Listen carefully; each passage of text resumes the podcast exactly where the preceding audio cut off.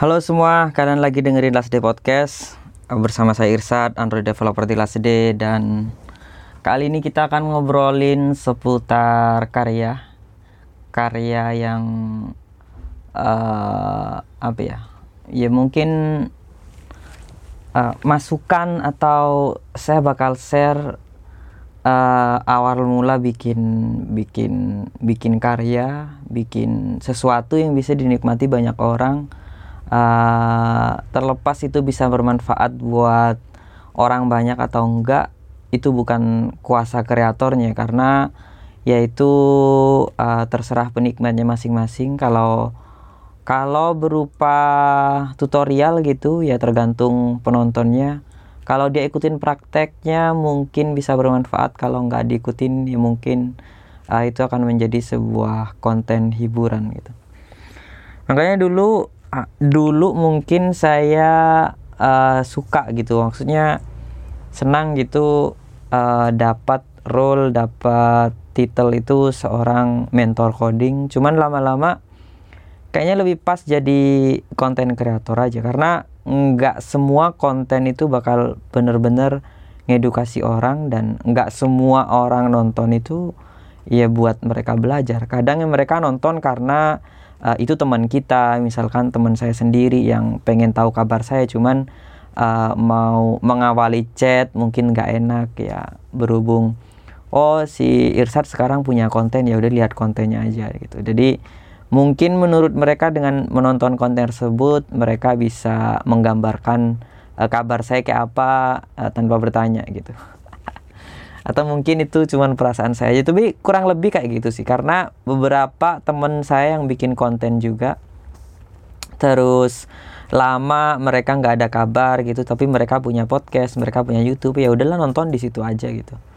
Jadi kadang kan fungsinya sosial media dulu kurang lebih kayak gitu kan ya. Jadi di Facebook itu kita berteman sama orang itu uh, salah satu hal positifnya adalah uh, kita bisa tahu kabar orang tersebut tanpa selalu bertanya gitu tanpa uh, tiap hari telepon tiap hari chat tiap hari uh, harus uh, ngirim pesan ngirim surat sama dia kan nggak perlu kayak gitu. Dan mungkin di di dunia konten juga kurang lebih kayak gitu cuman mungkin konten itu dia memiliki topik apa yang pengen di share topik general biasanya ya. Kalau uh, kayak saya bikin di last day ya pasti dominannya adalah tutorial coding cuman uh, di sana kan ada ngobrolnya juga. Kayak video series yang ada introductionnya gitu biasanya uh, saya cerita dulu. Ada ada beberapa storytelling sebelum langsung masuk ke uh, praktikal atau teknikal gitu.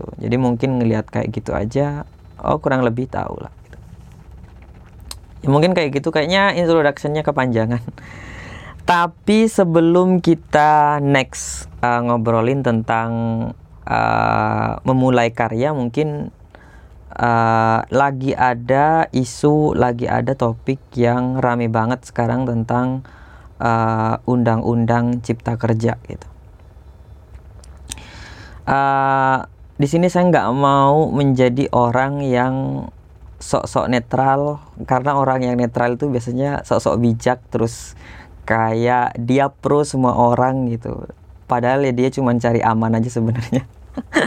Jadi saya maka saya mungkin akan share beberapa hal yang uh, mengganggu pikiran tentang uh, apa yang orang-orang di lingkaran saya itu share gitu. Jadi di karena saya sekarang di dunia IT jadi pastinya banyak orang IT tapi karena background saya jauh sebelum kuliah dulu eh, nggak uh, ada komputernya sama sekali. Jadi uh, saya pernah merasakan menjadi buruh borongan yang dibayar per jam yang itu kan kayaknya masuk di uh, isu cipta kerja ya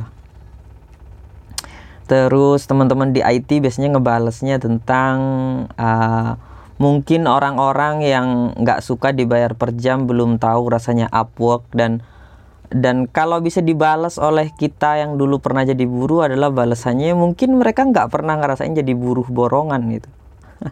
yang dibayar per jam dan itu sangat menyiksa gitu maksudnya jadi tenaga kita habis cuman uh, masa depan kita mungkin uh, susah untuk diperbaiki gitu. Kecuali kita memiliki sistem perusahaan yang uh, di masa depan mungkin kita akan membaik gitu. Cuman kalau kalau akhirnya borongan per jam itu menjadi sistem nah itu yang akan menyulitkan kita nantinya. Ya itu kan tergantung individu masing-masing. Kalau tergantung individu masing-masing ya kita nggak usah bahas undang-undang cipta kerja gitu kan.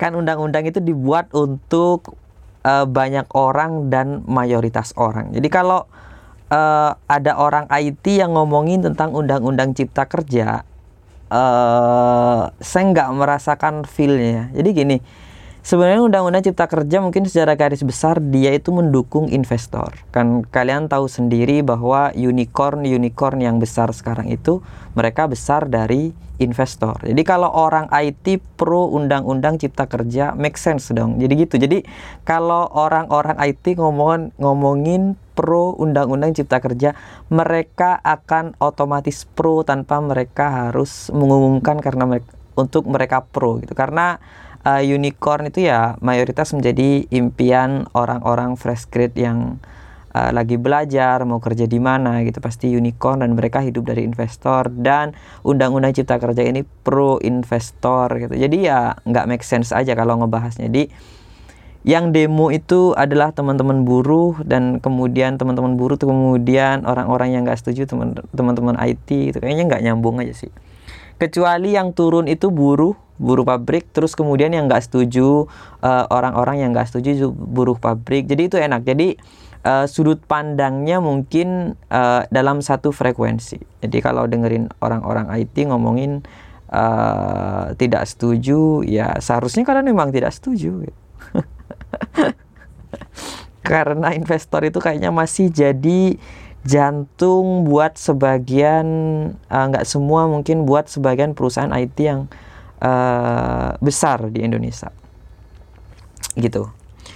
Terus kemudian uh, kalau saya ada di mananya kan sekarang gitu kalau saya sendiri sebenarnya apa ya uh, karena saya merasakan dulu jadi jadi buruh jadi sesuatu yang berbau demo demo aksi itu uh, harusnya kayak gitu sih harusnya kayak gitu itu maksudnya gini bukan sok-sok tahu tentang sejarah cuman paling enggak itu kalau kita kebanyakan mikir kayaknya aturan ini terlalu seperti ini kayaknya aturan kayak gini itu terlalu seperti ini akhirnya kita tidak pernah turun ke jalan mungkin Indonesia nggak merdeka loh. Ya nggak sih? Kalau semuanya itu hanya tentang nanti akan banyak itu fasilitas umum yang rusak gitu. Ya kalau jawaban pendek katanya adalah fasilitas umum kan dibayar rakyat, yang demo rakyat ya udahlah tugas-tugas orang-orang petinggi itu memang untuk mengatur fasilitas umum diperbaiki lagi. Uh, toh uh, sebagian banyak dari mereka pasti nggak pakai uang mereka sendiri juga untuk memperbaiki fasilitas umum. Balik lagi ke dana orang-orang ini ya biarin aja lah. Mungkin siklusnya memang seperti itu agar uh, kedua belah pihak itu harusnya berpikir. Cuman yang paling harus berpikir memang orang-orang yang di atas karena orang-orang yang di atas memang dibayar untuk berpikir, gitu ya.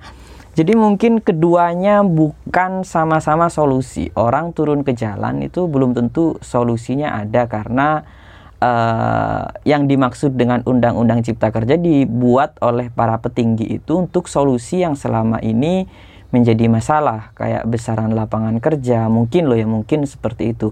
Cuman kan orang turun ke jalan karena ada keresahan yang buat mereka masalah. Jadi maksudnya adalah turunnya uh, masa ke jalan itu bukan serta merta untuk eh, undang-undang cipta kerjanya. Tapi paling enggak apa sih solusinya? Mungkin uh, akan ada sebuah keajaiban gitu sebuah solusi yang sebelumnya tidak terpikirkan menjadi tidak terpikir. Nah, itu sebenarnya yang uh, mungkin paling diharapkan, bukan serta-merta kedua belah pihak salah. Ya, mungkin keduanya memang sama-sama salah, cuman kalau perlu dipertanyakan siapa yang harusnya benar-benar berpikir, ya orang yang di atas dong. Karena orang yang di atas itu dibayar orang-orang yang di bawah sekarang.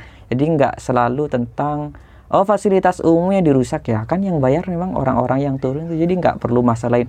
Ini bukan tentang fasilitas umum yang rusak tapi lebih ke solusi konkretnya itu apa dan itu bukan tugas uh, mereka yang sedang berdemo aksi memang uh, apa ya itu petugas tugasnya memang uh, aparatur negara kan memang itu ya.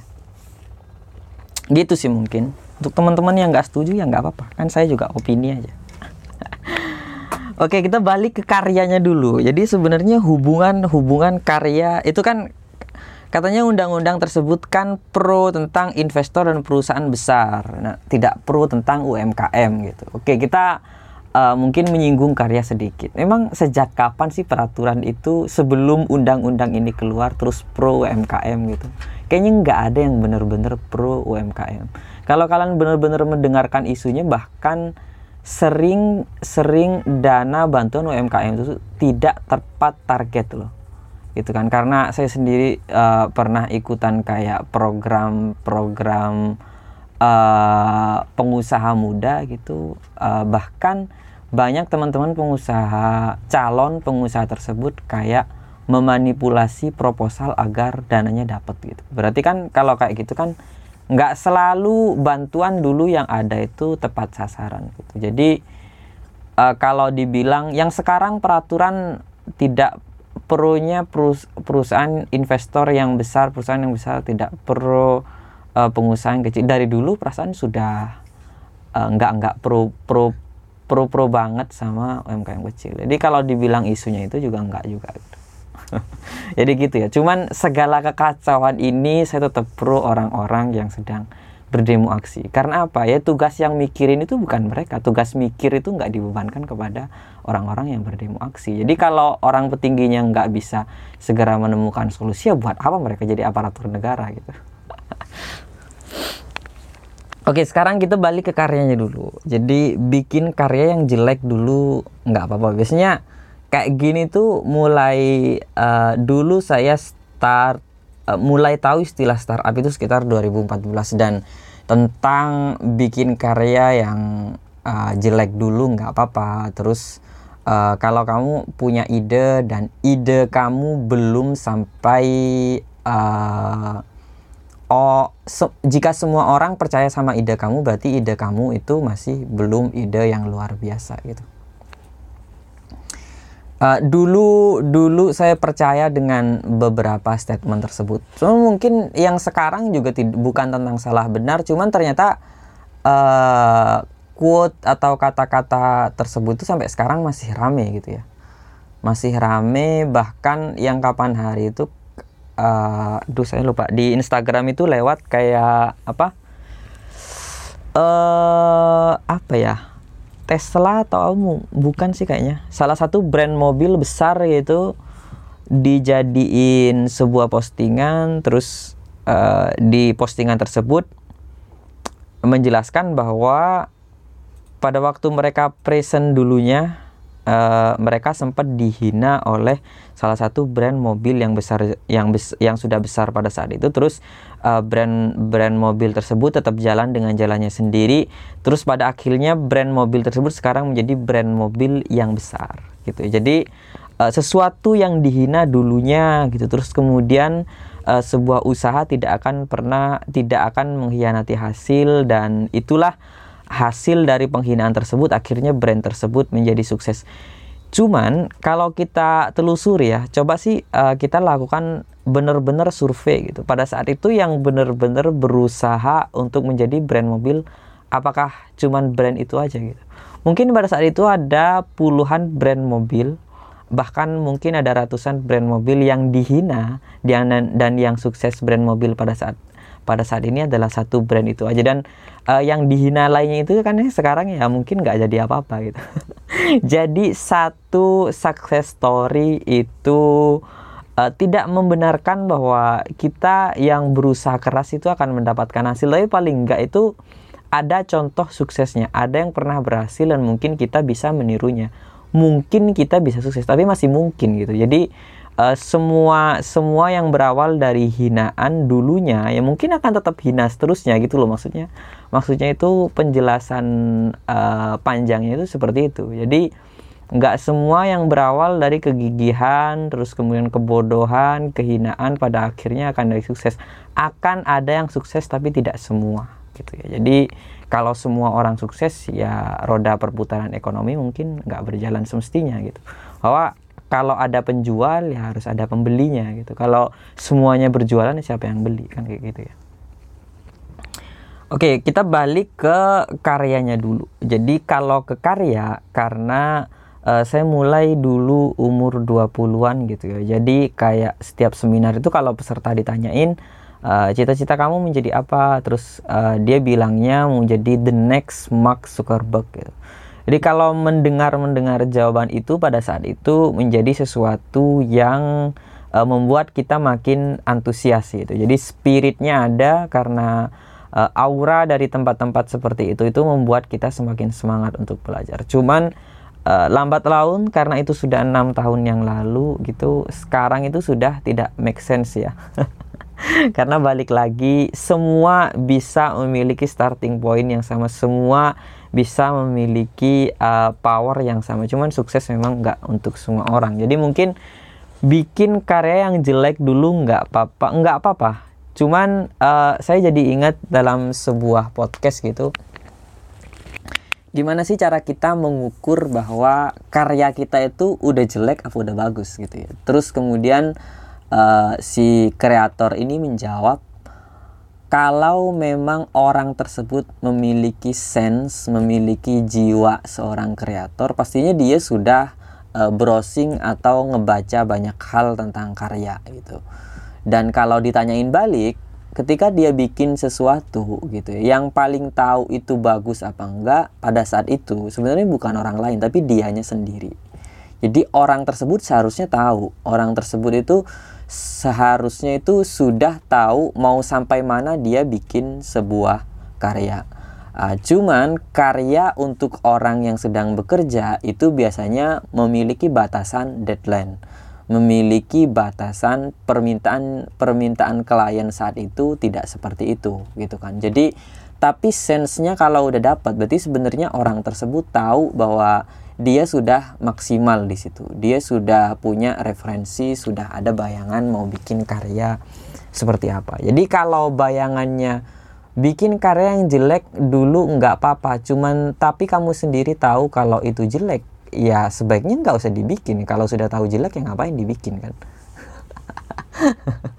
karena karya-karya karya jelek itu bisa menjadi tidak jelek. Kalau memang uh, bisa jadi sebuah konten viral dan kamu sukses dari viral tersebut gitu. Kalau dia nggak viral berarti selamanya dia akan menjadi karya jelek. Jadi kalau udah tahu itu jelek ya nggak usah dibikin sih kayak gitu jadi bikin karya jelek dulu nggak apa-apa uh, apa-apa jika kamu sendiri udah tahu itu jelek terus tetap kamu bikin gitu. Jadi kita itu harus tahu referensi kita itu di mana. Terus kemudian uh, batasan masalah kita itu ke mana. Enggak selalu tentang karya itu harus solutif gitu. Harus memiliki nilai solusi atas masalah orang lain. Tapi paling enggak itu kita uh, referensinya dari mana. Terus uh, kita bandingin lah sama karya yang bagus. Jangan bandingin sama karya yang jelek maksudnya. Dan dari situ akhirnya kita setelah maksimal bikinnya baru kita uh, yakinin kepada uh, diri kita sendiri karya kita masih jelek atau enggak. Nggak usah ditanyain ke orang. Kalau masih karya awal-awal gitu uh, jawaban dari teman-teman dekat kan nggak sepenuhnya jujur ya. Uh, makanya kalau nggak salah uh, kata-kata dari Jack Ma adalah jika kamu berniat berjualan jangan jual ke teman kamu jangan jual ke keluarga kamu ya. Jual sekalian ke orang lain biar kalau orang lain nggak suka ya dia langsung bilang nggak suka.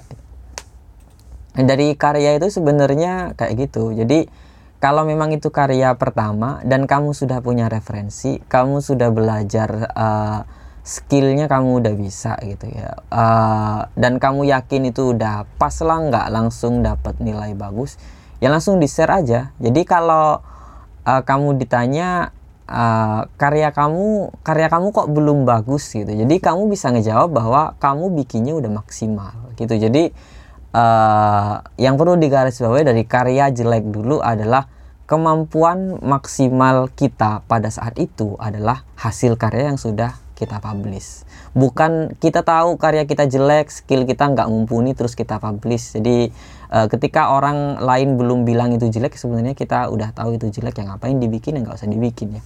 Karena uh, semakin lama karya itu bukan tentang karya itu laku apa tidak. Itu mungkin kalau awal-awal bikin itu ya. Cuman semakin lama itu uh, karya itu sebenarnya tentang legacy, tentang apa yang pengen kita tinggal kita tinggalkan pada saat kita berusaha. Terus kemudian kita sudah nggak di situ lagi uh, 5 atau 10 tahun lagi kita lihat lagi dan kita masih kita memiliki rasa bangga pernah ngebuatnya. Itu mungkin uh, beberapa tahun setelah kita uh, bikin sesuatu itu ada sebuah uh, nilai legacy.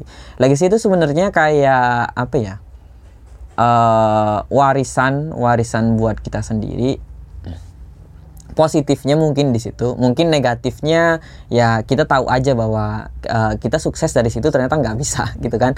Uh, jadi paling nggak harus ada nilai yang ngebikin kita bangga. Itulah kenapa kalau kita bikin karya jangan uh, jangan uh, fokus ke jeleknya tapi fokus ke maksimal yang kita punya itu yaitu dari perangkatnya mungkin uh, kalau bikin audio kayak gini mungkin awalnya belum mampu beli beli uh, mic yang bagus saya pakai clip on dulu. Nggak bisa beli clip on ya udah pakai uh, mic bawaan HP atau mic bawaan laptop. Itulah yang dimaksud dengan jelek dulu nggak apa-apa. Bukan berarti uh, kita tahu itu jelek terus kemudian ya kita publish aja gitu. Biar orang-orang tahu kejelekan kita ya buat apa yang nggak usah bikin lah.